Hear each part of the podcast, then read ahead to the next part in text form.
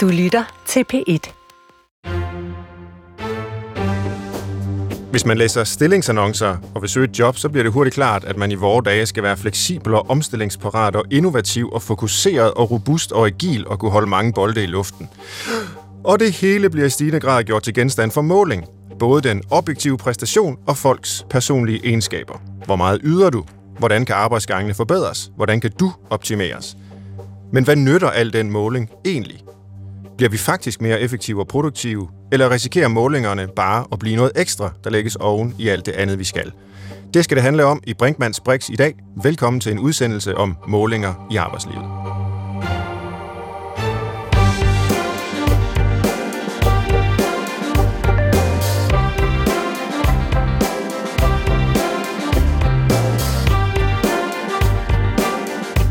Som professor i psykologi undersøger Svend Brinkmann, hvorfor vi mennesker handler, som vi gør. Her i programmet har han ikke mennesker på briksen, men tendenser i samfundet, sindet og menneskelivet. Man siger, at psykologi er videnskaben om det, som alle ved i forvejen, men sagt på en måde, som ingen forstår. I Brinkmanns Brix er målet at sige noget, som ingen har tænkt på før, på en måde, som alle kan forstå. Alle, der har et lønnet arbejde, er genstand for måling. På universitetet, hvor jeg arbejder, der måles for eksempel antallet af videnskabelige artikler, hvor mange gange de bliver citeret af andre forskere, hvor ofte jeg optræder i medierne og meget andet. Det er typisk en øh, simpel tallogik, der hersker. To artikler er dobbelt så gode som en. De udløser dobbelt så mange point eller hundekiks, uanset hvad der står i dem. Det kan være en ny relativitetsteori, eller det kan være noget bras. Den kvantitative værdi er umiddelbart den samme, at være underkastet sådan nogle målinger har selvfølgelig både implikationer for mig som person, som forsker, men også for universitetet som organisation og for samfundet som helhed. Og jeg vil gerne indrømme, at jeg er godt træt af det. Det giver måske nok øh, mere forskning, men jeg tror ikke, det giver bedre forskning. Tværtimod. Så hvorfor holder vi ikke bare op med det? Det er et af de spørgsmål, jeg har i dag. Det kan være, at jeg kan blive klogere og blive overbevist om, at der er en vis rationalitet forbundet med alle de her målinger, vi har i arbejdslivet. Nu er det jo bare lige universitetet, øh, jeg kender mest til, jeg har givet som eksempel. Øh, men for at blive klogere på fænomenet målinger og hvilken rolle det har i arbejdslivet, så har jeg inviteret tre gæster, øh, som kan hjælpe mig med at undersøge fænomenet fra forskellige perspektiver. Det er Peter Daler Larsen, professor ved Institut for Statskundskab på Københavns Universitet, leder af KREM, Center for Resultater, Evalueringer, Måling og Effekt. Er det rigtigt? Mm, ja. Korrekt. Velkommen til. Tak. Og jeg håber, du kan hjælpe os med at belyse de organisatoriske og sådan evalueringsteoretiske dimensioner af alt det her med at måle. Mm. Og ved siden af dig, der sidder Malene Friis Andersen, psykolog, forsker ved det, ved det Nationale Forskningscenter for Arbejdsmiljø, NFA, mm. og organisationspsykolog. Ja. Og du ved især noget om konsekvenserne for arbejdsmiljø og stress af alt det her med at måle. Ja. Det er korrekt. Det, øh, det er i hvert fald noget, at jeg kan sige lidt om. Også ja. velkommen til dig, Malene. Mm. Og som øh, tredje gæst er det Jakob Stendal Nielsen, indehaver af Center for Lean og Havbis, lektor på Aarhus Universitet, og du er både forsker på området, men også praktiker, så du kan hjælpe os med at bygge bro der, håber jeg. Det vil jeg meget gerne bidrage med i hvert fald. Glemmerne. Også velkommen til dig. Og her i Brinkmanns Brix, der undersøger vi jo forskellige fænomener, psykologiske fænomener, tendenser i tiden. I dag er det målinger i arbejdslivet, og vi gør det ved at belyse dem fra forskellige vinkler. Vi skal rundt i tre forskellige rum og se på målinger i dag. Vi skal først til medarbejderudviklingssamtale, hvor nogle af de her målinger manifesterer sig og bliver præsenteret for den enkelte. Vi skal til øh, Djøf, fagforeningen, som øh, i høj grad organiserer nogle af alle de mange mennesker, der arbejder med det her. Og så skal vi ud på en historisk rejse fra fabrikkerne og til de åbne kontorlandskaber. Det er dagsordenen for øh, dagens øh, forskningsmøde her i Brinkmanns Brix. Men jeg kunne tænke mig at begynde i det helt erfaringsnære med jer alle tre. Hvornår er I egentlig selv blevet målt i forbindelse med jeres arbejde? Det kan være, vi skal begynde over ved dig, Peter Daler Larsen. Øhm, det er jeg virkelig, virkelig jævnligt. Det er faktisk så tit, så jeg næsten ikke kan sige, hvor tit det er. Der findes noget, der hedder Google Scholar Citations, ja. som er en hjemmeside, der opgør de uh, citationer, man har som uh, forsker, og som man selv kan melde sig til. Uh, så er der nogen, der bag kulisserne sidder med nogle algoritmer, som uh, ikke er offentligt kendte, og som jeg heller ikke kender til. Men de tæller publikationer sammen, der på en eller anden måde har noget med mig at gøre. Mm-hmm. Og lige så tit, som jeg vil, så kan jeg klikke på den hjemmeside og se, om mit antal af publikationscitationer er steget siden i går eller siden i formiddags, hvor jeg kiggede sidst. Mm-hmm. Og hvad, hvordan forholder du dig til det? Er det en, en skøn læsning, eller hvad, hvad synes du om det? Det har alt den tvetydighed, man kunne ønske sig. Øh, jeg ved jo, at hvis jeg på et tidspunkt bliver spurgt, så vil det være sådan, at det er en god idé for mig at kunne sige, at der er nogen, der citerer mit, mit arbejde. Mm. Samtidig er Google også så smarte, så de giver mig nogle fordele ved det. Jeg kan for eksempel få at vide, hvilke forskere i andre lande, der citerer mit arbejde. Det betyder, at jeg opdager, at jeg har fælles interesser med folk, der sidder i Holland eller Sverige, som jeg overhovedet ikke vidste. Men mindre, at jeg ventede i virkelig lang tid og ved et tilfælde opdagede dem. Og der er Google selvfølgelig så smart, så de også giver mig en interesse i at være bevidst om, hvordan mine publikationer de, øh, læses af andre og citeres. Men selvfølgelig skal jeg virkelig, virkelig også passe på, at jeg ikke engang imellem sidder og bliver sådan fuldstændig selvreflekteret op i mit eget lille ekorum, ja. hvor, jeg, hvor jeg bliver så optaget af den der i virkeligheden ret uintelligente hjemmeside, der bare sætter nogle tal sammen. Ja. Øhm, så det bliver jo på en eller anden måde også op til mig at tænke igennem, hvad er meningsfuldheden af de her tal fra min praksis. Mm. Og nu sidder vi jo fire øh, forskere her, øh, så vi kommer jo selvfølgelig nok til at tale om øh, eksempelvis Google Scholar Citations, altså hvor mange gange vores videnskabelige artikler er citeret af andre osv. Men, men det her det er jo en praksis, som findes inden for alle arbejdsområder. Mm. Ikke? Altså, som jeg selv nævnte her, vi, vi bliver alle sammen målt, hvis vi har et arbejde. Øhm, Malene Friis Andersen, er der øh, andre dimensioner af dit arbejde, du kan komme i tanke om, der bliver gjort til genstand for måling, eller er det reserveret til dine videnskabelige publikationer? Jamen, nu har jeg det her delte arbejdsliv, hvor jeg jo også arbejder som, øh, som selvstændig organisationspsykolog og ude og undervise rigtig ofte ledere, medarbejdere, HR og så videre. Og, og der er det jo mm, altså en, en gældende og meget udbredt praksis, at man efter man har undervist, jamen så skal man evalueres. Mm. Så bliver der udsendt et evalueringsskema til deltagerne, som jo så skal svare typisk på en skala fra 1 til 5 i forhold til, jamen, hvor, hvor god var Malene Friis Andersen til at formidle sin viden, og hvor relevant var det, og hvordan vurderer du din egen indsats i undervisningen? Altså, det er jo sådan efterhånden almen praksis. Og jeg må, jeg må indrømme, i starten, da jeg var, var ude for det her, så tænkte jeg, ej, kunne man, kunne man stille krav om, at jeg vil simpelthen ikke evalueres? Altså, det var faktisk en refleksion, jeg gjorde mig, især efter jeg havde jeg udgivet den her tæller ved det, vi tæller antologi med, med Lene Tangård, hvor man på den måde fik gravet sig ind i forskningen omkring ja. det. Øhm, så jeg var inde om, det var faktisk en overvejelse, jeg havde. Kan man det? Kan man, kan man nægte og, og ikke lade sig Ja, ikke at undergå evaluering. Kan man, kan man det? Men hvorfor jeg har ikke man... prøvet det af, vil jeg sige, fordi det er sådan en gyldig almen praksis, og det er sådan gør man. Ja, og hvor, hvorfor skulle man nægte det? Godt spørgsmål. Jeg tror faktisk, jeg tænker, altså, både for på en eller anden måde at, at, at udfordre praksisen, at udfordre, ja. at sådan gør man. Det er, jo, det er jo naturlighed. Selvfølgelig skal vi jo evaluere hinanden fra 1 til 5. Måske også, fordi jeg faktisk øh, havde en oplevelse af, at... Øh, Jamen altså, hvem var det egentlig, det gav noget? Ja. Altså, det kunne godt være fint, at der var altid gode vurderinger og evalueringer, men, men jeg lærte jo ikke noget af det. Og jeg tror heller ikke dem, som, som deltog på kurset, eller dem, som hyrede mig, egentlig havde noget læring ud af det. Så på en eller anden måde tænker jeg, kunne, kunne, man, kunne man tale om at have en dialog, i stedet for at få et, et gennemsnit, ja. efter man havde undervist. Øh, så jeg tænkte egentlig, kunne jeg få noget mere læring ud af det, end at få en, en ja. karakter. Og det kunne jeg godt tænke mig, at vi vender tilbage til på forskellige vis, altså fordi der må være nogen, der måler, hvor meget alt det her måleri gavner. Der må være nogen, der evaluerer, hvor meget ja. evalueringerne gavner. Altså, vi skal trykke på en grøn eller en gul eller, eller en rød knap, når vi ja. går ud af et stormagasin og, og vurdere, hvor dejligt det var at være derinde, eller når ja. vi går igennem security i en lufthavn, ja. det er det samme, ikke? Altså, alt bliver simpelthen ja. øh, målt og ja. vejet på den her måde. Jeg kan huske lige op på, at jeg var på toilettet i, luft, i en lufthavn på et tidspunkt, hvor de på toilettet spurgte, om jeg havde været tilfreds med mit toiletbesøg. Ja. Altså, jeg tænker, der er mange andre faktorer end, end selve toilettet, der spiller ja, ind på det. Præcis. Nå, ja. øh, Jakob Stendal Nielsen, nu kommer vi jo her med alle vores øh, mere eller mindre tossede eksempler på ting, man kan måle, og når vi selv bliver målt. Er det noget af det, du lever af at, at hjælpe virksomheder med, eller hjælper du dem med at effektivisere det, måske fjerne nogle af dem? Eller hvad, hvad går det ud på, øh, det du arbejder med? Ja, altså øh, måling er selvfølgelig en, en vigtig forudsætning i erhvervslivet. Ja. Øh, men jeg synes samtidig, at vi skal ikke tage en måling for målingens skyld.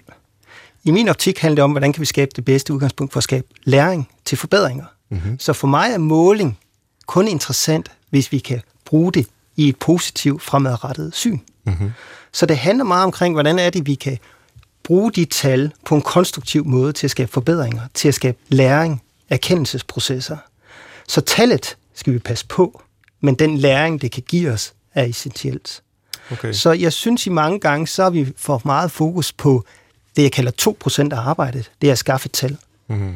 Vi skal arbejde meget med at bruge de tal konstruktivt til at lære, udvikle os, lave innovation, forbedre os ud fra.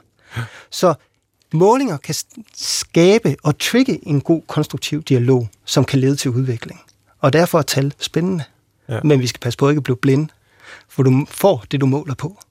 Ja, og jeg må indrømme, i dag, der er jeg ret uh, biased i forhold til det her fænomen. Jeg skal nok prøve at bestræbe mig på at være uh, neutral, øh, uh, nysgerrigt undersøgende vært, der skal gå ind i det her fænomen med måling, men jeg, må indrømme, jeg, jeg er selv, og jeg tror, jeg taler på, på vegne af ganske mange, uh, forundret uh, og indimellem irriteret over al den tid, og det er jo du selv inde på, Jacob, der bliver brugt netop på at udfylde øh, evalueringsark, øh, checklister, sætte flueben øh, på en eller anden skala fra 1 til 5, eller hvad det nu kan være.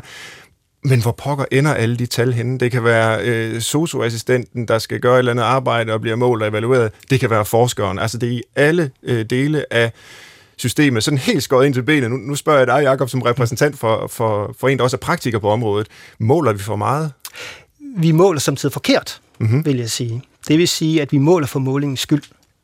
Og det at finde intelligente målinger, smarte målinger, altså det er et begreb, vi kalder smarte, altså det er specifikt målbare, accepteret, tidsbestemt, enkelte og relevant, det er jo afgørende. Men der er faktisk ganske få målinger, der lever op til de betingelser.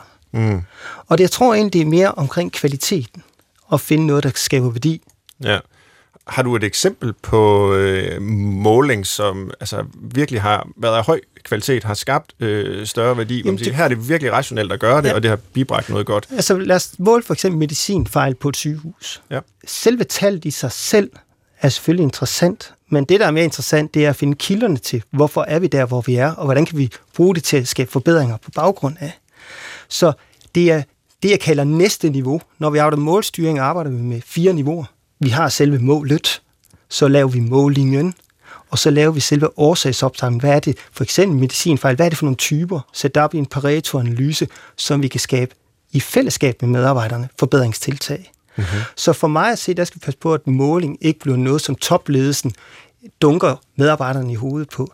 Hvordan kan vi skabe målinger, som skaber fællesskab, fælles engagement, styrker den sociale kapital til at skabe innovation i organisationerne? Mm-hmm.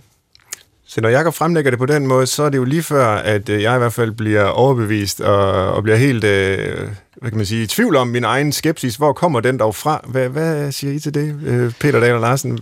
Det lyder jo rigtig fornuftigt, det her. Jamen, jeg kan sagtens følge den øh, dagsorden, som øh, Jacob introducerer, da, og, og og hvis det var, at vi kunne enes på den måde, som Jacob antyder, så ville vi alle sammen slutte os til projektet.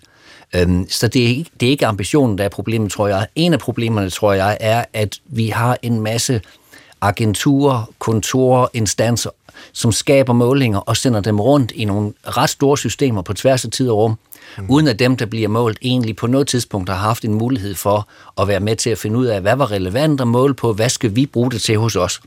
Øhm, man føler sig øh, overhalet, man føler sig demokratisk underløbet, Øh, simpelthen fordi den forestilling om, at vi ligesom satte os ned og blev enige om ting, vi skulle måle på, og derefter målte vi dem, og så fulgte vi op, den svarer ikke til den hverdagserfaring, folk har. Den hverdagserfaring, folk har, det er, at pludselig kommer der en PISA-undersøgelse, som er designet af nogle mennesker, man ikke ved, hvor sidder henne, af nogle eksperter, som følger algoritmer, vi ikke kender til. Og pludselig skal man udfylde et eller andet schema, eller der kommer et eller andet tal.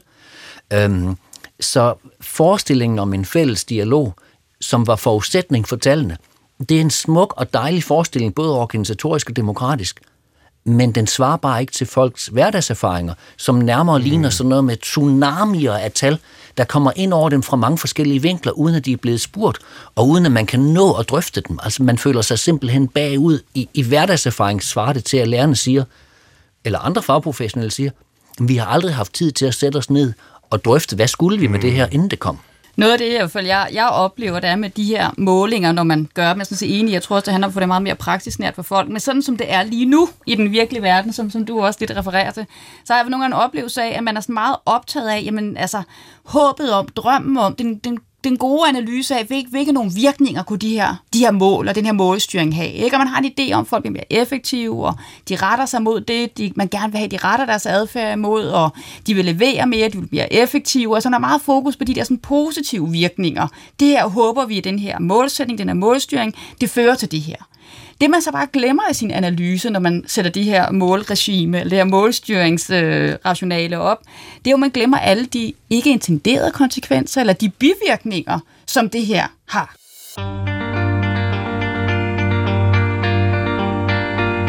Her i Brinkmanns Brix, der undersøger vi i dag målinger i arbejdslivet, og et af de steder, hvor man ofte bliver konfronteret med målinger af ens egen præstation, det er til medarbejderudviklingssamtalen, øh, hvor man eksempelvis typisk vil få et spørgsmål som, hvor ser du dig selv om tre år? Øh, og så skulle man jo gerne forestille sig, at man præsterer bedre om tre år end nu, optimerer sin indsats, gør det på en måde også, der kan måles, aflæses på produktionen, produktiviteten og måske på bundlinjen. Man må ikke stå stille, vel? Altså hvis man svarer om tre år, så håber jeg, at jeg gør det samme som i dag. Øh, eller måske endda mindre end i dag, fordi jeg synes, jeg laver for meget i dag. Så kan det godt være, at man ikke er den, der får øh, løntillæg eller bliver forfremmet. Og Malene Friis Andersen, du var lidt inde på det lige før, eller du, du var inde på det med de bivirkninger, der kan være for den enkelte af at blive målt på den her måde, øh, og få præsenteret ens øh, præstations, ens performance til eksempelvis en medarbejderudviklingssamtale. En kronisk konkurrencesituation, siger du. Hvor meget ligger der i det, eller hvor meget ved vi om, hvor skadeligt det er, hvor udbredt det er? Mm. Ja, man kan sige, det er jo vigtigt at sige, at, at der er forskellige niveauer, man kan måle på. Mm. Altså på en arbejdsplads. Man kan måle på det organisatoriske niveau, man kan måle på det afdelingsniveau, man kan måle på et teamniveau, og så kan man måle på et medarbejder- eller individniveau. Så målinger foregår jo på forskellige niveauer i organisationen, og man kan sige, hvis man så tager fokus på den enkelte medarbejder, som du fremhæver her, så er der jo også forskellige ting, man kan måle på på den enkelte medarbejder. Man kan måle på tempo, man kan måle på antal ydelser, altså hvor mange ydelser du leveret, hvor mange borgere du har fået tilbage til i et job, hvor mange artikler har du skrevet, hvor hurtigt har du leveret den her ydelse. Så det er jo en måling, tempo, antal ydelser. Det, som jeg ser at være optaget af i min forskning, det er jo også den, den måling, der, der faktisk faktisk foregår på personlighedsniveau. Mm. Øh, der er faktisk en øh, dansk industri har lavet en undersøgelse fra 2007, der faktisk viser op til, at lederne svarer, at, i 40, at de faktisk 40 procent af lederne svarer, at der foregår målinger af medarbejdernes adfærd og personlighed. Og der er jo mange medarbejdere, der faktisk øh, i løbet af to gange om året indgår i sådan det, man kalder en performance appraisal samtale, hvor de bliver mål på, jamen altså, hvor kreativ er du? Øh, hvor innovativ er du, og hvor god er du til at samarbejde. Altså hvor de bliver mål, igen for karakter fra 1 til 5, fra 1 til 8, på, på kompetencer og egenskaber, der faktisk tilhører personligheden. Mm. Øh, det foregår rigtig mange virksomheder. Der har ikke været meget kritik af det, og det undrer mig, fordi det er faktisk et enormt intimt rum, lederen kommer ind i, og ja, evaluerer rigtigt og forkert i forhold til nogle, nogle egenskaber, der er meget personlige. Og det skriver vi i hvert fald, jeg er Nata om i en artikel, at det faktisk er enormt stressfremkaldende at indgå i sådan en, en overvågning og evaluering ja. af ens personlighed. Ja, et er, at der så er nogle konsekvenser. Det kan være, det er stressen af at overvågne osv., indgribende i personens liv. Men er det overhovedet øh, lade sig gørligt? Og, altså, fordi når vi måler, så sætter vi jo en talværdi ja. på et eller andet fænomen, og hvis det så er et øh, personlighedsmæssigt fænomen, et menneskeligt fænomen, jamen, så kan det være kreativitet, det kan være øh, evnen til at finde på og få gode idéer osv., Hvordan pokker måler man det? Hvordan knytter man en talværdi til det? Kan det kvantificeres? Det er jo i hvert fald det, man prøver på at gøre. Ja. Og igen har der ikke været så meget egentlig kritisk drøftelse af det, selvom det foregår enormt meget. Men for andre undersøgelser, så ved man i hvert fald, at, at lederens vurdering af en medarbejder handler rigtig meget om lederens egen forestilling om den gode medarbejder. Så der er ikke særlig stor overlap mellem forskellige leders vurdering af den enkelte medarbejders performance. Så vil sige, altså der er faktisk kun 50% overlap mellem øh, leders vurdering af den samme medarbejder. Så det handler okay. i høj grad så også om, om lederens. er, er ja, lav. den er lav. Ja. Ja. Jeg synes, det er helt fint, det du bringer op, øh, Malene, med temaet med bivirkninger, også at forfølge de spor, der er øh, på det psykologiske plan, og man kan stille spørgsmålstegn om det var noget, som man burde have lov til at have sådan en indre urørlighedszone mm. omkring. Men jeg vil nu også gerne nævne, at de bivirkninger også kan være på det samfundsmæssige plan. Der er en bagage med sådan nogle målinger. Tal skaber samfund. Ja. Øhm, et eksempel kan være, der er evalueringer af undervisningen. En studerende skriver til mig, det var en overraskelse for mig, at du ikke brugte PowerPoints, fordi du forelæste ud fra nogle noter eller et handout eller et eller andet. Øh, og det er så begrundet for, at vedkommende evaluerer mig lidt mere negativt på en talskala, end jeg ellers vi have fået. Når jeg skal fortolke de tal, så sidder jeg og tænker, okay, så den studerende tænker, at det er en fordel ikke at blive overrasket. Mm. Betyder det, at jeg skal bidrage til en universitetsundervisning, som ikke overrasker studerende? Er det virkelig en samfundsmæssig målsætning, vi sætter os i dag? Så det spørgsmål, jeg stiller mig selv, det er, hvis jeg nu løber med på den, så er jeg med til at designe universitetsundervisning, der har så få overraskelser som muligt. Hallo? Mener vi det? Mener vi ikke, at undervisning skal være et sted, hvor man bliver overrasket mod sin vilje, altså selvfølgelig helst på den gode måde, men, men skal der ikke være plads og rum til det? Min pointe med det her eksempel er, at hvis vi spiller med på nogle af tallene, så er vi også med til at designe vores uddannelse og vores hospitaler og vores museer og hvad vi nu har af institutioner på bestemte måder. Og det er ikke altid, vi får tænkt igennem, hvad for en bagage, som transporteres med samfundsmæssigt, mm. hvis vi løber med på, hvad tallene siger. Nej, som Jakob sagde før, så får vi det, vi måler. Hvis jeg husker ret, så var det mm. dig, der sagde det. Og det er jo på en måde øh, meget godt, hvis man ønsker at have det, man måler. Men det er jo ikke så godt, hvis vi så kun får det, vi måler. Altså hvis nu vi gerne vil have tilfredse studerende, så kan vi måle, hvor tilfredse de er. Ja, så er det måske fint nok, men det vi virkelig ønsker med at lave universiteter, det er jo, at vi får dygtige øh, kandidater ud i den anden ende, hvor, hvor tilfredshed jo bare er, er et mål. Så hvis man underviser for at gøre dem tilfredse, så, det, så kan det være, at de bliver mindre dygtige. Ja. Øh, og, og, og, og så fremdeles. Og, og Jakob Sten, der, nu er det ikke, fordi du skal stå på mål for, for alverdens målinger, og, og vi diskuterer mere eller mindre absurde måder at, at gøre det på her. Men når vi taler om de mere sådan personlige, måske decideret intime forhold vedrørende personen, det kan være, hvor, hvor kreativ er du, øh, mm. og, og, og den slags, som Malene var inde på før, Hvordan ser du på det? Lad det så måle fra dit øh, perspektiv. Jamen altså, personlighed har der en stor indflydelse. Lad os tage det sociale kapital, som du også taler om, Malene. Ikke? Det måler vi også. Men jeg tror meget mere, at, at det, jeg gerne vil hen til, det er, at det skal ikke være talfaseret. Det skal egentlig okay. lede til en dialog. Det vil sige, at det kan trigge en dialog. Og hvis man har brug for at sige fra skala fra 1 til 5, så ser du, at du ligger på en 4, og så kan vi tage en dialog ud fra det. Hvorfor ligger jeg der? Og det er der, jeg tror, mange gange, så laver vi rapporter for rapportens skyld, frem for det er rapporten, der skal lede til de her dialoger og forbedringer og snakke imellem hinanden. For jeg tror, det er i det felt, vi bliver klogere. Vi bliver klogere på hinanden. Mm-hmm. Så vi skal passe på med, at tallet, det bliver det dominerende. Mm. Jeg tror, det er dialogen. Det er årsagerne. Det er det, vi oplever. Men griber vi ikke netop til tallene, fordi vi mangler tid, fordi øh, alle mulige sociale processer accelererer, som Peter Daller Larsen også nævnte før. Øh, og, og så bliver det så det, det måske næstbedste, hvor, hvor det ideelle ville selvfølgelig være at have en lang øh, samtale, dialog med, med folk om, hvordan det går, og hvordan tingene kunne være bedre osv.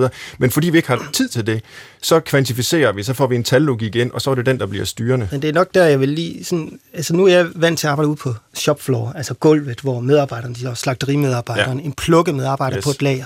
Og jeg kan fortælle om en KPI, som jeg har diskuteret for nyligt. En, det er en øh, Key Performance Indicator. En Key Performance Indicator, yes. lige nøjagtigt.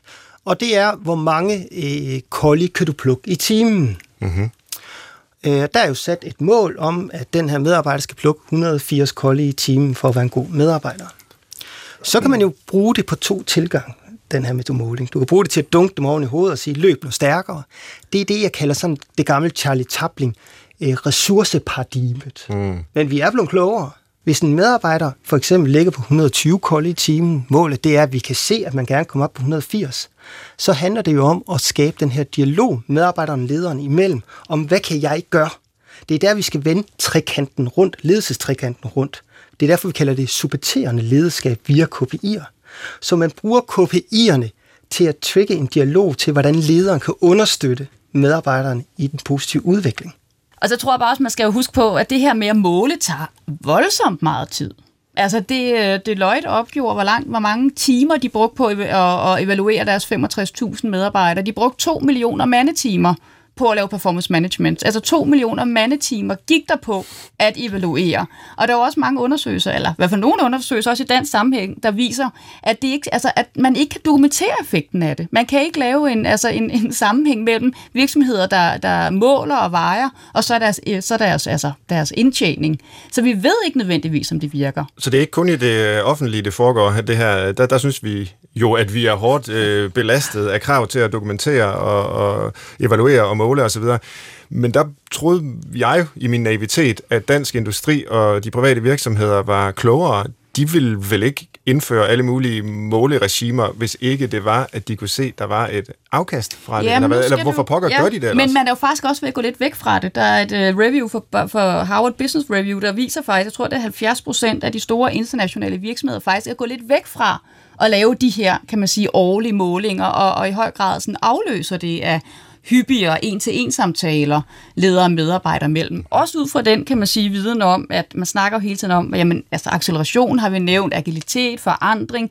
Altså, de her årlige målinger har også en form for antagelse om, at, at verden er forudsigelig, at input-output er forudsigeligt.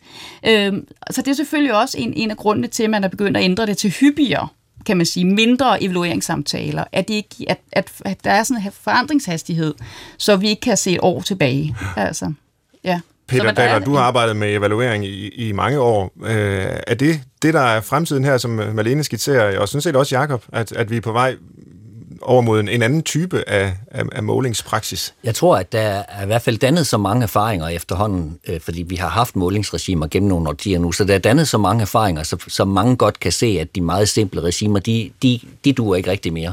Man kan sammenligne det lidt med et vækkeur, altså hvis man virkelig har sovet længe, så er det alarm bare godt, for så skal man op. Og, og det er sikkert nok sådan inden for offentlig sektor, at der nogle steder har været brug for, at man begyndte at måle ting og reflektere over, hvordan det egentlig gik og sådan noget. Den periode, vi er i nu, er en, hvor man har brug for mere nuanceret information og mere øh, køndig og mere intelligent bearbejdning af den information, der er, snarere end bare sådan nogle simple tal, der larmer. Mm. En af kompleksiteterne... Det, det er som om, hvis jeg må øh, bare sige min, min holdning her, altså, at, at vi, vi, vi nu har fået alarmen i gang, ikke, og den kan ikke holde op med at ringe, så vi kan faktisk ikke lave vores arbejde, fordi vi ja. hele tiden bliver forstyrret af den der alarm, der bare larmer øh, i baggrunden. Det, det er en oplevelse, jeg i hvert fald indimellem kan have med alle de her registreringer osv. Ja, det er jeg glad for, at du siger, så bringer det metaforen lidt videre, det er fint nok. En, uh, en kompleksitet, der også er i det, er jo, at, at nogle gange, når vi taler om målinger, så har vi sådan en forestilling om, hvis man måler ting, så bliver de sådan ligesom gennemskuelige og klare, og vi kan godt lide den der med, at vi siger også transparens, og det skal være gennemskueligt og sådan noget. Mm. Men, men målinger har det en lille bit smule som nyhed. Hvis der kommer mange af dem, så bliver billedet faktisk ikke specielt meget klarere. Altså i nogle af de undersøgelser, jeg har været med til at lave, der ser man samtidig, at der faktisk er konkurrerende målinger på en arbejdsplads, der, der siger, at virkelig mange ting er vigtige, men de er meget forskellige og kommer forskellige steder fra.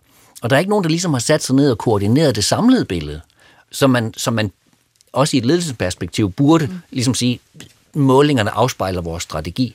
Der er bare ikke rigtig nogen, der altid har fået sat sig ned og lavet det samlede billede.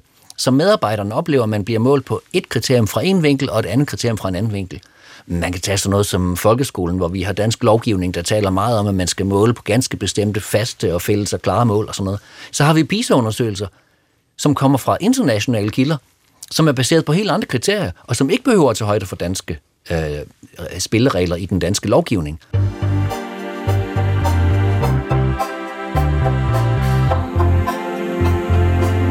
Her i Brinkmanns Brix, der har jeg i dag besøg af Peter Daler Larsen fra Københavns Universitet, Malene Friis Andersen fra det Nationale Forskningscenter for Arbejdsmiljø og Jakob Stendal Nielsen, øh, indehaver af Center for Ligner og Havbis og lektor på Aarhus Universitet. Og vi diskuterer målinger i arbejdslivet, og vi har været til medarbejderudviklingssamtale, og nu skal vi videre til Djøf og tale djøfisering. Man taler jo rigtig meget om New Public Management, om Human Resource Management, senest om Lean, og man taler jo altså også meget om djøfisering proces, der er opkaldt efter en fagforening herhjemme, Djøf, som jo skældes ud for meget, men som blandt andet har en del medlemmer, der arbejder med at monitorere, optimere og evaluere forskellige arbejdsprocesser, både i private og offentlige virksomheder.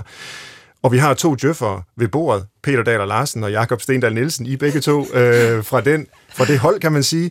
Hvordan er det at skulle øh, sidde her og stå på mål for hele målingsregimet, præstationstyranniet og hvad vi ellers øh, allerede har været inde på. Er, er det fair altid at tale om djøfisering i den her sammenhæng i jeres øjne? Selve ordet djøfisering er en rigtig uheldig term, fordi den antyder, at det er en bestemt gruppe af mennesker, der har ansvaret. Øhm, den, har, den har nogle meget ubehagelige overtoner, fordi en samfundsmæssig tendens, den ligesom henføres til en gruppe af mennesker. Hvis man skifter djøfferne ud og bad nogle andre nogen være ledere, eller budgetfolk, eller koordinatorer, eller ledere af organisationer, eller et eller andet, så vil man få nogle problemstillinger, der er meget lignende dem, som djøfferne sidder med nu. Så på den måde er det en uheldig betegnelse, fordi det vil være mere præcis, hvis man gav en ledelseskritik, eller en økonomikritik, eller en organisationskritik, snarere end at give en djøfkritik. Ja. Er du enig, Jacob? Jamen, jeg kan jo kun være enig. Øh, det giver nok sig selv. Tøfferne, de er meget hurtigt enige om, at det, men, er Men jeg synes, altså, det der egentlig er, det er jo, at vi skal have de enkelte ledere til at tage ansvar for målingerne. Mm. Og det er nok her, jeg synes, dilemmaet ligger. Det vil sige, det er jo let at skyde på djøfferne. Men der, hvor vi skal have de her tal til at leve, de her målinger til at leve, det er jo i den enkelte organisation, ved den enkelte leder, i den enkelte team. Og derfor tror jeg, at djøfferne mere skal se sig som coacher og kan hjælpe dem med at finde de rigtige målinger, som giver værdi ned i den enkelte organisation, mm-hmm. i stedet for at tage sådan en, en overordnet betragtning. Og jeg tror også, det er det, vi sidder lidt og diskuterer her, det er, at vi sidder faktisk med forskellige unit of analysis. Øh, I sidder meget med et samfundsperspektiv på målinger, hvor jeg sidder meget mere nede på i teamniveau og ser på, hvordan kan det forbedre dynamikken i et team. Og øh, jeg tror på, at hvis vi kan ændre de her målinger til at gå fra det, jeg kalder sådan en reaktiv lacking kopier til leading kopier, proaktive kopier, som egentlig kan fremme mere det at navigere, inden du havner ude i hegnet, så kan vi komme meget længere. Så det er at måle ikke for at finde ud af, hvad vi har gjort, men for at kunne på en eller anden måde gøre noget øh, bedre i fremtiden. Det er hen. fremadrettet. Hvorfor måle, når at, at skibet det øh, når i havn? Hvorfor ikke måle undervejs? Er vi i retning? Har vi godt speed? Har vi godt fremdrift? Mm-hmm. Så jeg tror, hvis vi kan få ændre målinger fra at gå det reaktive perspektiv til det proaktive perspektiv, så kan vi få mindre stress i organisationer, vi kan få bedre styring, vi kan få bedre gruppedynamik, og vi får mere innovation. Jeg kunne godt lide det, som øh, øh, Jakob sagde med øh, den enkelte leders ansvar. Jeg kunne godt tænke mig, fordi selvfølgelig har jeg sympati for de situationer, hvor det kan lade sig gøre at skabe nogle forbedringsprocesser ud af målinger. Men jeg kunne godt tænke mig, at man fra ledelsesmæssig side nogle gange udviste større interesse i at finde ud af, hvordan virker sådan nogle målsystemer efter de er sat i værk. Altså hvad er det for nogle bivirkninger, der kommer, som Malene nævnte, at man udviste en eller anden form for ægte interesse for det. Altså verden er simpelthen for kompleks til, at man ligesom kan sige, nu er det installeret, og nu kaster jeg mig over noget andet som leder, der, som jeg synes er mere spændende, altså en ny stilling eller en ny strategi. Jeg kunne godt tænke mig, at der var nogen, der efter de har været med til at installere sådan nogle målsystemer, spurgte sig selv, hvad hulen sker der ved det? Altså, hvordan reagerer mennesker på det nede i det der system? Der er skrevet nogle interessante forskningsartikler om, at der er ved at komme en tendens hos ledelsen nu, at man ligesom siger, at man fokuserer alene i ledelsen på det, som man får at vide gennem målesystemet. Hvor jeg gerne vil have, at man holder øjne og ører åbne for den store del af verden, som ikke bliver målt, og som ligesom interagerer med målesystemet også. Altså at man simpelthen var mere nysgerrig på de der mange, mangfoldige virkninger af målesystemer. Det vil være en, en stor gevinst. I den forbindelse har jeg et lille um, horn i siden på en del af det, som jeg er med i, nemlig at uddanne djøffere. altså fordi nogle af de modeller, vi bruger teoretisk, de siger faktisk, at når man er leder, så er medarbejdere dumme og dogne, og de har for meget selvinteresse, og de dyrker bare deres, de vil bare have flere penge og sådan noget. Altså man skal passe en lille smule på, når man uddanner for at man faktisk husker at bevare en levende interesse for dem, og deres perspektiv, som dyrfolk skal samarbejde med og forstå. Sygeplejersker, skolelærer, folk, der arbejder med parker og veje, museer og alt muligt. At man ligesom prøver at interessere sig for, hvordan hulen virker styringen set fra deres perspektiv, og givet at tage den snak. Så sådan en mere, måske kontekstsensitiv, for at bruge et fint ord, øh, opmærksomhed, når vi måler. Altså, hvad er det for en sammenhæng, en ja. kontekst? Ja. Hvad er det for nogle personer, øh, der bliver målt, og hvordan ja. reagerer de på det? Hvilke bivirkninger øh, ja. er der? Den medicinske metafor der er jo egentlig ganske inter- interessant, fordi når vi øh, laver lægemidler og afprøver dem, så skulle virkningerne, altså de gavnlige effekter, mm. gerne overstige bivirkningerne, og altså de negative effekter. Ja. Og der er altid begge dele ja. ved alle lægemidler, det ved vi. Ja. Men det er der jo ved alting, vi ja. sætter i søen. Men det er som om ved mange af de her målinger, det er i hvert fald min fordom, der har man jo alene registreret øh, virkningerne, ja. øh, og vi har ikke rigtig samlet op på, på, på bivirkningerne. Og det er jo interessant, fordi netop med den her indlægsseddel, som jeg også tit bruger som metafor i forhold til det, ikke? altså det er, når du går ned på apoteket og køber en form for produkt, jamen så åbner du indlægssedlen, og så står og fylder virkningerne cirka en tiende del. Og det, der fylder allermest, det er bivirkningerne. ja, det er rigtigt. Altså, der er en helt anden praksis for det. Jeg tænker, den der, måske den der ydmyghed, som du også er lidt inde på, Peter, at være nysgerrig på de her bivirkninger. Og den forbindelse, hvis der vi skal puste et liv i de her medarbejdere, der faktisk bliver målt og varet, og dem, der ligesom, kan man sige, bliver påvirket af det især, så tænker jeg også, der har været den her idé om netop, de skal motiveres, og de skal styres, og hvis de ikke med mål, så gør de ikke det, vi beder dem om. Ikke sådan et pisk- og gulerødsmetafor, ikke? Altså, mm hvor vi kan motivere med pisk eller gulerødder. Og jeg kan godt nogle gange opleve, at der kommer sådan en ny styringsmekanisme, hvor man ligesom pisker medarbejderne med gulerødder. Ja. Altså, at man faktisk kan man sige, pisker dem med dem, du vil jo gerne udvikles, ikke? og du kan jo faktisk blive mere kreativ, ikke? og du kan jo også levere lidt mere, ikke? og jeg tror faktisk, du har mere i dig. Altså, at, at hvem vil ikke gerne udvikles? Men det bliver sådan en udviklingstvang frem for en udviklingstrang, der får lov til at opstå. Og det, det tror jeg, den her målstyring godt kan være med til at påvirke. Samtidig med, at jeg også er meget enig med Jakob med det her perspektiv, når jeg, men vi kan jo heller ikke gøre det enkelt godt eller dårligt målinger. Fordi ja, nogle gange tjener det formål. Nogle gange tjener fornuftige målinger også et formål i forhold til at sætte grænser i det her grænseløse arbejde. Den gode historie er, at det også er en skærming af medarbejderne i forhold til at sige, at nu er du faktisk et mål. Du har faktisk leveret det, vi forventede af dig. Du har faktisk leveret to eller syv, eller hvad det nu er, man bliver målt på. Ikke?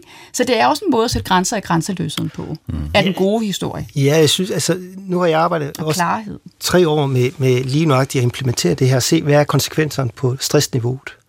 Og det, der faktisk er fantastisk, det er, at når vi ser de organisationer, der går ind og tager styringen og bruger de her målinger til for eksempel at skabe bedre øh, belastningsudjævning, kapacitetsudjævning, sikre sig, at vi får mere fairness ind i, hvilke opgaver, der skal løses, så har vi faktisk set, at stressniveauet er blevet forbedret. Mm-hmm.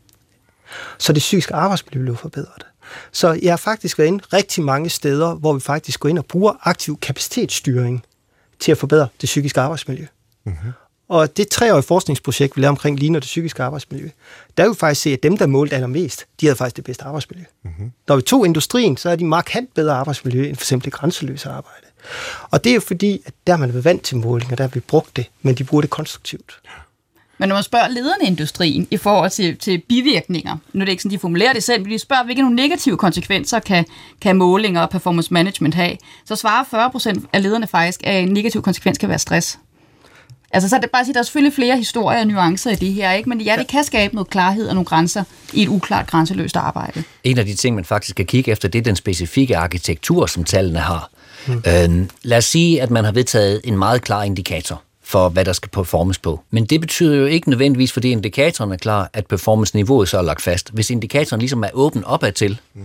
at der ingen overgrænse er, så vil medarbejderne ikke opleve det som klart, selvom at lederen synes, at nu har man fastlagt en meget klar indikator. Øhm, nogle gange har du også, at du skal være excellent på en eller anden rankingliste, der antyder et konkurrenceforhold. Andre tilfælde skal du bare ligge, øh, så du bliver sammenlignet med et gennemsnit. Men sammenlignet med gennemsnittet og en ranking er meget forskelligt i deres implikationer. Øhm, en rigtig led implikation af at sammenligne med gennemsnittet, det er jo, at man objektivt får en interesse i, at ens kolleger scorer dårligt. Mm. Ja. Fordi mm. så er det nemmere at, at få en nogenlunde hederlig performance fra ens egen side til at se okay ud, sammenlignet med en gennemsnit.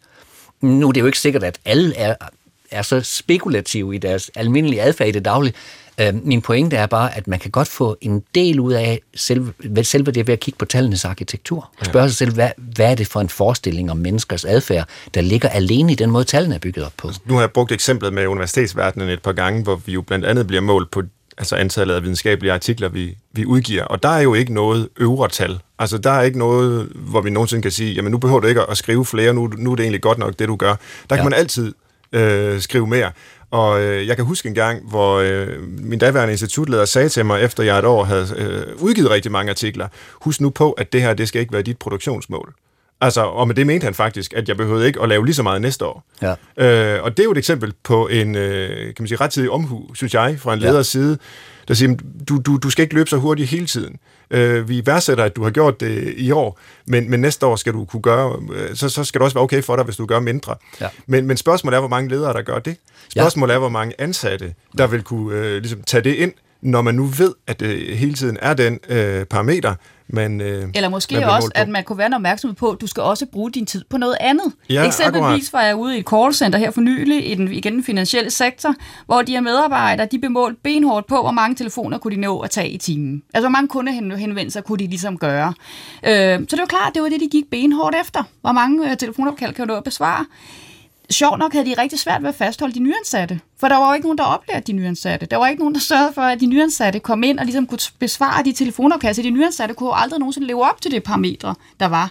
Og der var jo virkelig sådan en skævvidning i forhold til, jamen de erfarne havde jo ingen incitament, ingen interesse i at skulle oplære de nyuddannede. Et, jamen så gik de jo ned i produktion, hvis de skulle bruge tid på at oplære den nye medarbejder. To, lige pludselig var det også en konkurrent de risikerede at sidde ved siden af. Ikke? Mm. Så det er jo de her, netop kan man sige igen, en bivirkning, hvor ledelsen netop måtte sige, gud, vi vil faktisk også gerne have, egentlig bruge tid på noget andet, end at sidde og tage imod henvendelser. For det er enormt kortsigtet kun at se på sådan mål. Men, men spørgsmålet er, er det målingen, eller det er det paradigme, som de fortolker målingen i? En måling i sig selv kan være spændende, men det er den måde, ledelsen anvender og bruger de her målinger. Og hvis de bruger dem til at pushe og skubbe hinanden, så får du negativitet. Jeg selv sidder i et callcenter, hvor man målt på, hvor hurtigt fik du afsluttet et opkald, og den standard kommentaren, genstart computeren. Hmm. så på de gerne få kørt nogle opkald igennem. Ja. Øh, så fandt man ud af, at det faktisk var rigtig dårligt, fordi at øh, de ringede jo igen. Så begyndte man at måle på, hvor mange genopkald du får. Ja. Og det er der, hvor at så bliver det måling for målingernes skyld. i stedet for at det skaber den her konstruktive dialog omkring, hvordan giver vi en god kundeservice.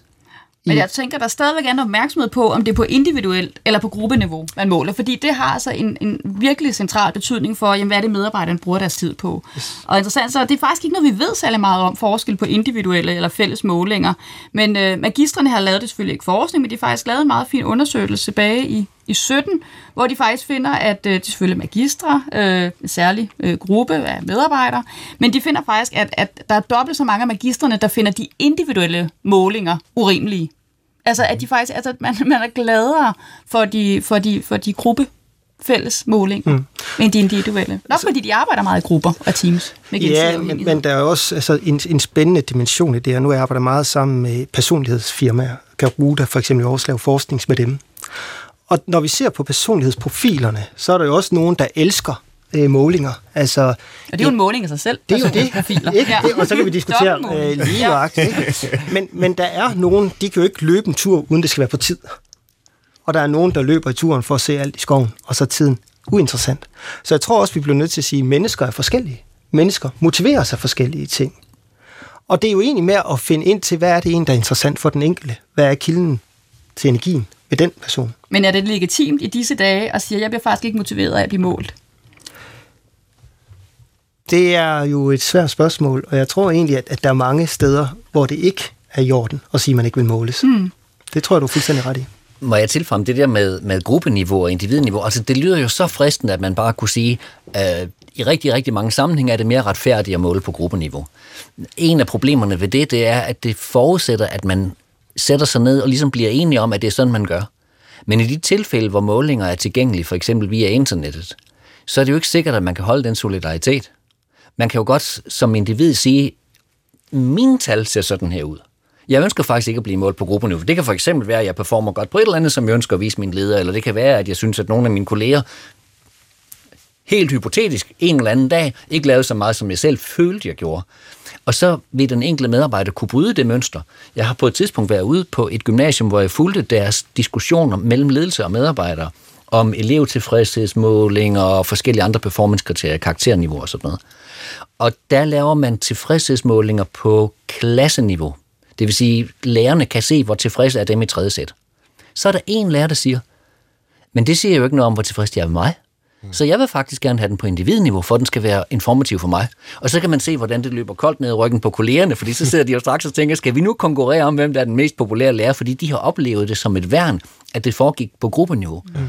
Det, jeg bare synes er spændende ved den observation, det var, at det var læreren, der sagde, mm. jeg vil gerne have måling på individniveau. Det var ikke rektor. Mm.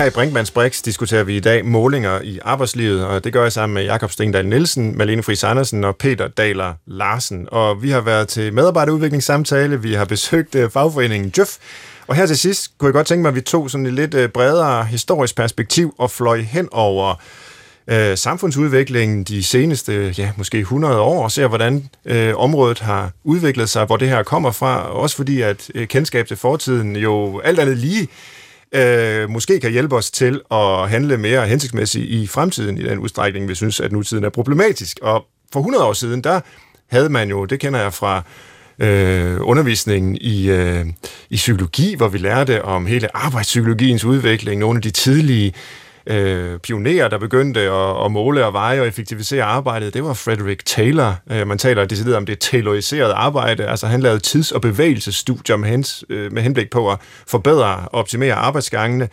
Øh, så fandt man senere ud af, at øh, mennesket jo var et socialt væsen i 20'erne og 30'erne, der faktisk øh, holdt af at blive set og anerkendt, og det betød nærmest ikke så meget, hvordan det blev set. Bare det blev set, øh, så forbedredes øh, arbejdsindsatsen sådan set, og det talte man så om som human relations tilgangen. Og så i 60'erne, 70'erne og, og videre frem, så har man talt om human resource management, altså hvor mennesket er sådan et, et, et helt væsen, der skal realisere sig selv gennem arbejdet og udfolde sine mange forskellige sider af personligheden. Øh, og, og, og, og i de allernyeste år, Øh, og nu vender jeg mig til dig, Jacob, fordi det er noget af det, jeg ved, du arbejder med. Der har det været et begreb som lean, der har været inde. Det er selvfølgelig meget forskellige mm. øh, teknikker og perspektiver, jeg har introduceret her i sådan en kort indflyvning over de seneste 100 års øh, arbejdspsykologi. Men det kan være, du bare lige skal oplyse lytterne og, og også her om, hvad, hvad er lean?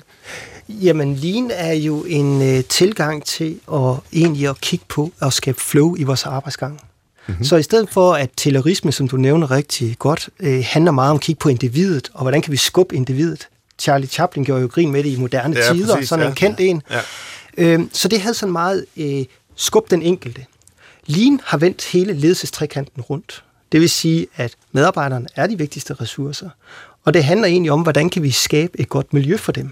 Så derfor er det første punkt i alle lean-rejser, det er at skabe et godt arbejdsmiljø. Fordi en god medarbejder, der trives, som har de rigtige kompetencer, de rigtige metoder til rådighed, vil også blive en bedre medarbejder for lederne. Mm-hmm. Så lean handler reelt set meget om at skabe flow i arbejdsopgaverne. Det vil sige, at i stedet for at man kigger på den enkelte, så handler det om, at vi kigger i for eksempel en patients vej igennem sygehuset, i stedet for at kigge på lægerne. Mm. Det vil sige, at vi måler også meget mere patientens oplevelse igennem sygehuset, frem for at måle lægerne. Mm-hmm. Vi kigger på en, øh, som jeg nævnte tidligere, en, en sagsbehandling. Det kan være en paragraf 50 undersøgelse ved en kommune, hvor man øh, vil gerne hurtigere igennem den undersøgelse. Jamen, hvordan kan vi optimere de processer?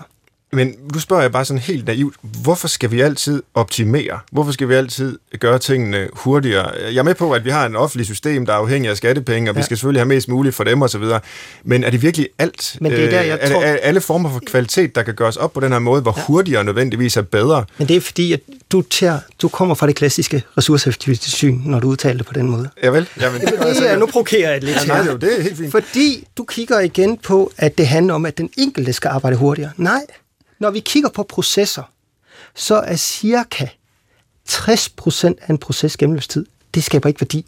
Det skaber ikke noget værdi. Det ligger bare. Den ligger i din mailbox. Den ligger, øh, patienten ligger og venter på at få en besked.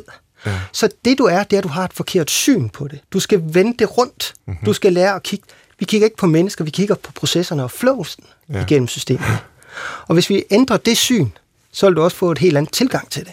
Det kan godt være, at jeg hænger fast i det der, men der må jeg bare sige, altså, som jeg ser verden, og nu kan det være, at jeg provokerer dig lidt, så er langt de fleste øh, dimensioner af det menneskelige liv, som øh, har værdi for os og mening for os, det er nogen, hvor det ikke rigtig giver mening at tale om øh, måling og lean og effektivisering. Altså, det, vi, vi, ja. vi, vi elsker hinanden, ikke? Ja. Altså ikke os to nødvendigvis. Øh, måske en lille smule, men øh, ikke så meget mere end det. Øh, men, men kærlighed bliver jo ikke bedre af, at det går hurtigere. Seksualitet bliver ikke bedre af, Nej. at det går hurtigere. Leg bliver ikke bedre af, at det bliver optimeret og går hurtigere og bliver lignet. Altså, men, men alle de ting, som, hvorfor lige præcis arbejdet, øh, synes vi er noget, det må godt gå hurtigt. Det, øh, det skal være effektivt, det skal optimeres, der skal vi skære alt væk. Det er fordi, at faktisk så ønsker vi alle sammen at skabe værdi. Vi vil gerne skabe værdi. Ja. Vi vil gerne egentlig, en sygeplejerske vil gerne være sammen med patienten og føle, de har tid til at arbejde med det rigtige. Ja. Og det er jo egentlig det, Lean fokuserer på. Okay. Så det er igen det syn, jeg mener, det er, at vi kigger på de værdiskabende processer, og det er derfor, Lean passer rigtig godt. Fordi det vil ikke gøre, at du skal arbejde hurtigere. Det er egentlig der, hvor medarbejderne får energien. Det er, når de kan se, at det arbejde, de laver, det skaber noget værdi for nogle borgere, nogle Så Lean skal kunder. frigøre tid til, at sygeplejersken kan være med yes. patienten. Så, så lean vender det rundt. Vi kigger på flowet og ikke individet. Men jeg synes sådan set, det er meget interessant syretest at anvende. Altså det her med, hvorfor er det, at det her er okay i arbejdslivet? De her målstyringsteknikker. Og tænker syretest at sige, vil det her være okay i privatlivet? Vil det her være okay i en venskabsrelation? Jeg synes sådan set, det er en meget god syretest. Også at få en fornemmelse af, hvad er det egentlig, der sker i arbejdslivet. Det har jeg selv har beskæftiget mig med i en af mine forskningsprojekter. Jamen det er jo blandt andet det her, som jeg nævnte før, det med, at vi måler på og karaktergiver personlige egenskaber. Det er jo en rimelig udbredt praksis i mange, især private virksomheder. Så det er meget altså, interessant at syreteste at se, vil det her gå en ægteskabelig relation? altså kunne det lade sig gøre, at man ligesom en ægteskabelig relation, den der tjener flest penge, vil så ligesom vurdere den anden på og sige, jamen, øh, hvordan synes jeg egentlig, du performer i forhold til din seksuelle attraktivitet lige nu, kære kone? Hvor, hvor godt synes jeg egentlig, du leverer i forhold til at være omstillingsparat i vores ægteskabelige relation? Altså der er mange af de ting her, hvis man tager dem ud af arbejdslivet og syretester dem i andre sfære, så virker det en anelse absurd. Mm. Og den, den synes jeg egentlig er meget god at holde fast i, i forhold til også ja, hele mål, mål- og middeldiskussionen, som du også lidt rejser her. Ja, ikke? ja, og det var jeg jo selv inde på, men omvendt, der må man jo også måske have lov at adskille de to sfærer. Altså fordi det at være men spørgsmålet er, man på gør arbejde det, som menneske, begynder... det er jo trods alt noget ja. andet, end det at have en kærlighedsrelation ja, til en Men spørgsmålet er, om vi reelt adskiller det, mm. hvis vi begynder at anvende måleredskaber, som er mere intime. Mm-hmm. Og det er faktisk det, jeg tænker, når du også spørger, op, altså lister det her historiske oprids, som, som du giver før.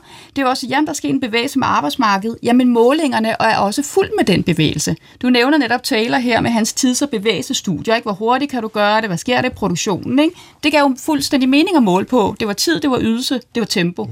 Men nu er det jo i høj grad vidensarbejde, relationsarbejde. Vi producerer med vores personlige kvaliteter, øh, med vores personlige egenskaber. Hovsa, så er målingen flyttet derind. Altså, at målingen flytter med det sted, hvor produktionen foregår. Nu foregår det. Ja, det foregår i høj grad i relationer. Ja. Så måler vi social kapital. Det foregår i høj grad i vores personlige kvaliteter.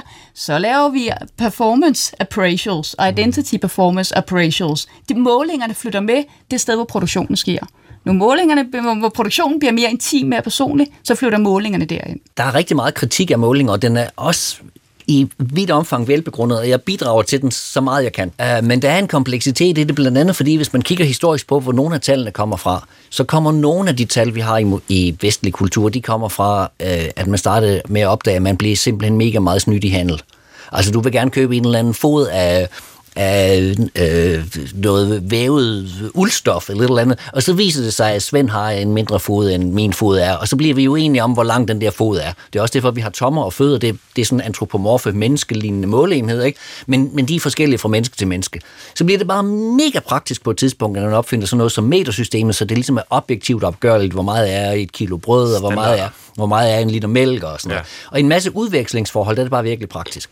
Så, så der er i hvert fald en side af det, det i omfang, vi skal fortælle noget til hinanden, mm. så, så, så er der et eller andet sted noget med, at nogle standarder er svære at komme udenom, når vi har et virkelig komplekst samfund med arbejdsdeling. Vi kan så samfundsmæssigt og demokratisk spørge hinanden, hvad mener vi, det er rimeligt, skolen skal fortælle til resten af samfundet? Hvad mener vi, det er rimeligt, universitetet skal fortælle? Og så, så må vi have nogle drøftelser af det. Vi kan også sige, at det er kørt for vidt med et eller andet målingsregime og sådan noget, og fortælle mere om indholdet i opgaven. Sådan nogle ting kan vi gøre.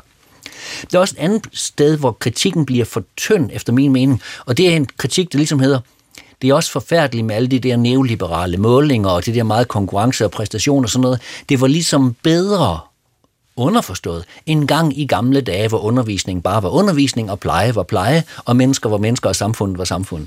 Hvor jeg ligesom tænker, ja, men, men refleksiv beskrivelse af, hvad der foregår, som er udvendige fra menneskets tanker, det har man vel for pokker lavet på mange måder. Altså, du kan også skrive en dagbog, du kan også kigge dig i spejlet, du kan også øh, gøre ting op, men, men skulle det være helt forkert lige præcis at måle dem, versus for eksempel at beskrive dem, eller fotografere dem, eller kigge dig i et spejl. Mm. Hvis du virkelig ikke vil være refleksiv, og tænker, at det var bedre at leve helt autentisk, så er vi nødt til at forbyde spejle. Mm.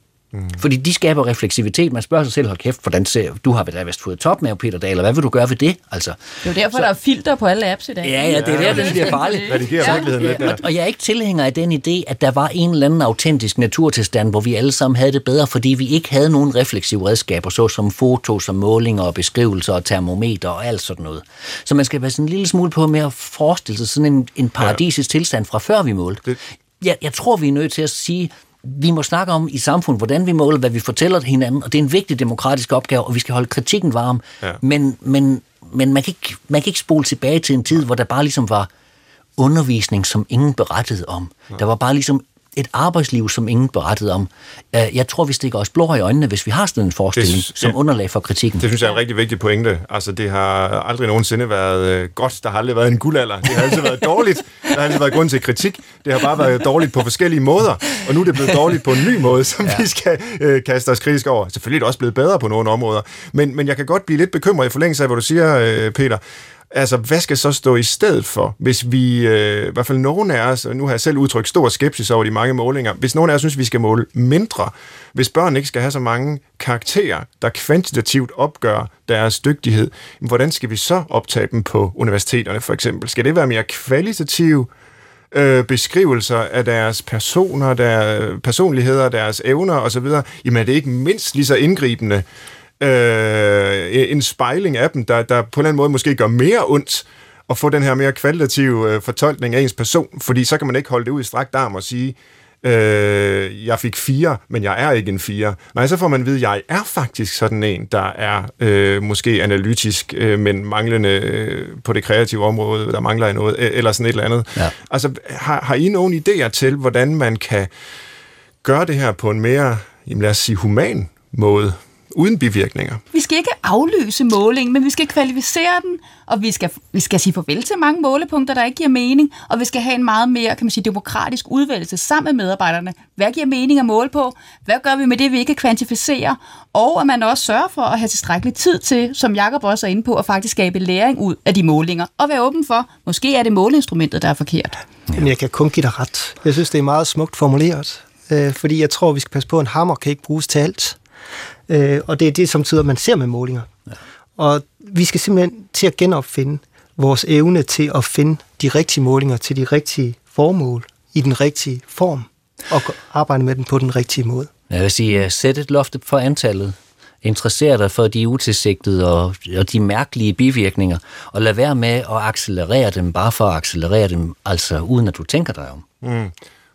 Og nu Moderation. Faktisk, nu har du faktisk gjort det, som øh, øh, vi plejer at slutte programmet af med, og det er rigtig skønt. øh, Brinkmanns Brix slutter nemlig med øh, en liste. Vi formulerer sammen øh, en liste med tre råd eller tre ting, som lytterne kan tage med sig. Og øh, jeg havde tænkt i dag, at vi skulle øh, beskrive tre ting, vi skal stoppe med at måle. Eller tre måder, vi kan måle mindre på. Øh, det betyder ikke, at vi skal stoppe fuldstændig med at måle, men bare gøre det på en mere fornuftig og menneskevenlig måde. Og nu fik jeg ikke noteret, øh, Peter Daler, hvad, hvad det var for nogle punkter, du havde, men de lød umiddelbart øh, meget fornuftige i mine ører. Sæt et vist loft for antallet, altså hvor meget tid man skal bruge et den loft? slags. Ja. ja. et loft. Uh, interesserer dig for de bivirkninger, vi har, vi har talt om. Ikke nok bare sætte, dem i, øh, sætte, sætte målingen i værk, men interesserer dig for, hvordan de faktisk virker i en praktisk virkelighed. Uh, og lad være med bare sådan, uden at tænke over det, komme til at accelerere dem. Altså mm. ved ligesom at gange deres effekt op over for dig selv eller over for dine kolleger. Og sidste, I, uh, gør dem nærværende. Gør dem nærværende. Og nu vil jeg jo ikke følge dit krav om tre, apropos emnet.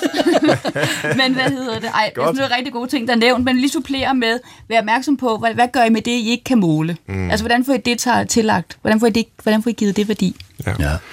På en skala fra 1 til 5, så vil jeg give øh, programmet her øh, 4. Øh, mine gæster for 5, øh, for at være øh, indsigtsfulde og velopdragende. Verden for 3 fordi øh, han ikke helt overholdt øh, den tid, han havde planlagt til de forskellige emner, så vi ender på øh, en 4 øh, for programmet som helhed. Øh, det er ud fra min øh, Brinkmann-skala, og så må lytteren gå op med sig selv, om, øh, om, om han eller hun er enig eller uenig i det. Tak i hvert fald, fordi I lyttede med derude. Tak til mine gæster, Peter Dahl og Larsen, Malene Friis Andersen og Jakob Stendal Nielsen. Det var Brinkmanns Brix. I kan skrive til brinkmannsbrix.dk. Producer var Victoria Tuveno. Jeg håber, at vi lyttes ved øh, næste uge, samme tid og samme sted. Tak for nu.